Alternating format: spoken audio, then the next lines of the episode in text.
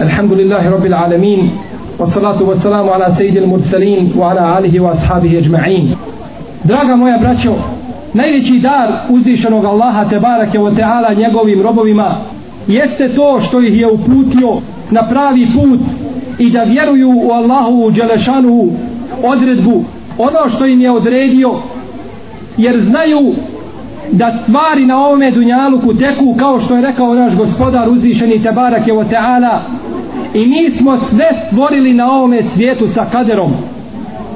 Određeno je sve prije nego što je čovjek stvoren. Zato pravi vjernik mu'min zna da ono što se desi da se je to desilo Allahovom dželešanu voljom i njegovim određenjem i da nije moglo ga mimo ići ono što ga je snašlo a da ga nije moglo snaći i nije ga moglo pogoditi ono što ga je mimo išlo. Takav je vjernik takav je mu'min. Pa kada ga snađe neko dobro onda zahvali svome gospodaru Tebarak je Oteala na tom dobru. Pa bude on od onih koji su zahvali Allahu Tebarak je Oteala i obožavaju ga zahvalnošću njemu azze a kada ga snađe neko zlo sa druge strane on se strpi i bude strpljiv očekujući od Allaha te barake o teala nagradu pa bude također od onih koji obožavaju Allaha te barake o teala sa strpljenjem.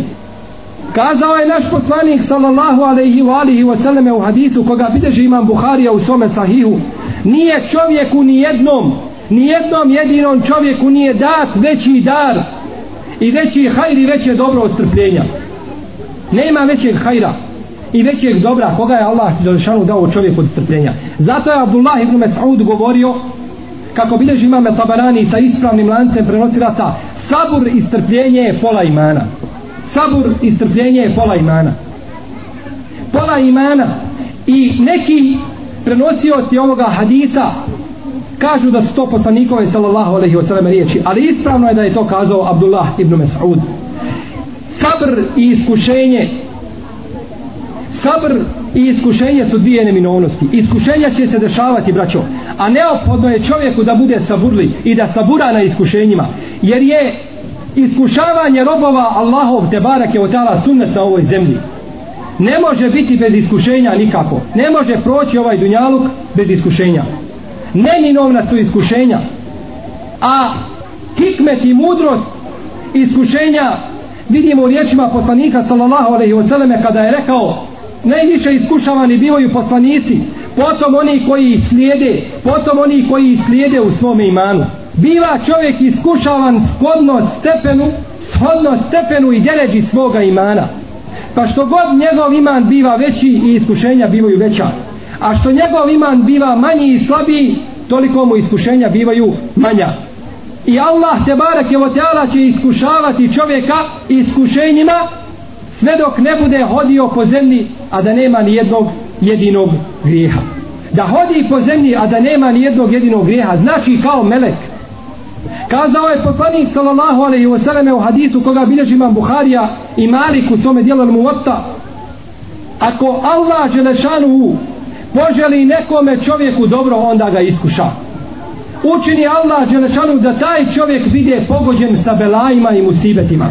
Da bude iskušan sa belajima i musibetima. To se dešava onda kada uzvišeni Allah te barak je od hoće svome robu kada mu hoće dobro. U drugoj predaji stoji da je poslanik sallallahu alaihi wa sallam rekao kada Allah Đelešanu zavoli jedan narod iskušaj znači iskušenja su dokaz da uzvišeni Allah te barak je od voli jedne ljude. Pogledajte samo hadis koga je zabilježio imam Ebu Jala ibn Hibban u svome sahihu sa ispravnim lancem prenosilaca. Kaže poslanik sallallahu alaihi ve selleme, doći će čovjek na sudnji dan i naći će na sudnjem danu velike stepene i deleže kod Allaha te barake u. A nikada te stepene ne bi dostigao dijelima koja čini. Dijelima koja čini nikada te stepene ne bi dostigao.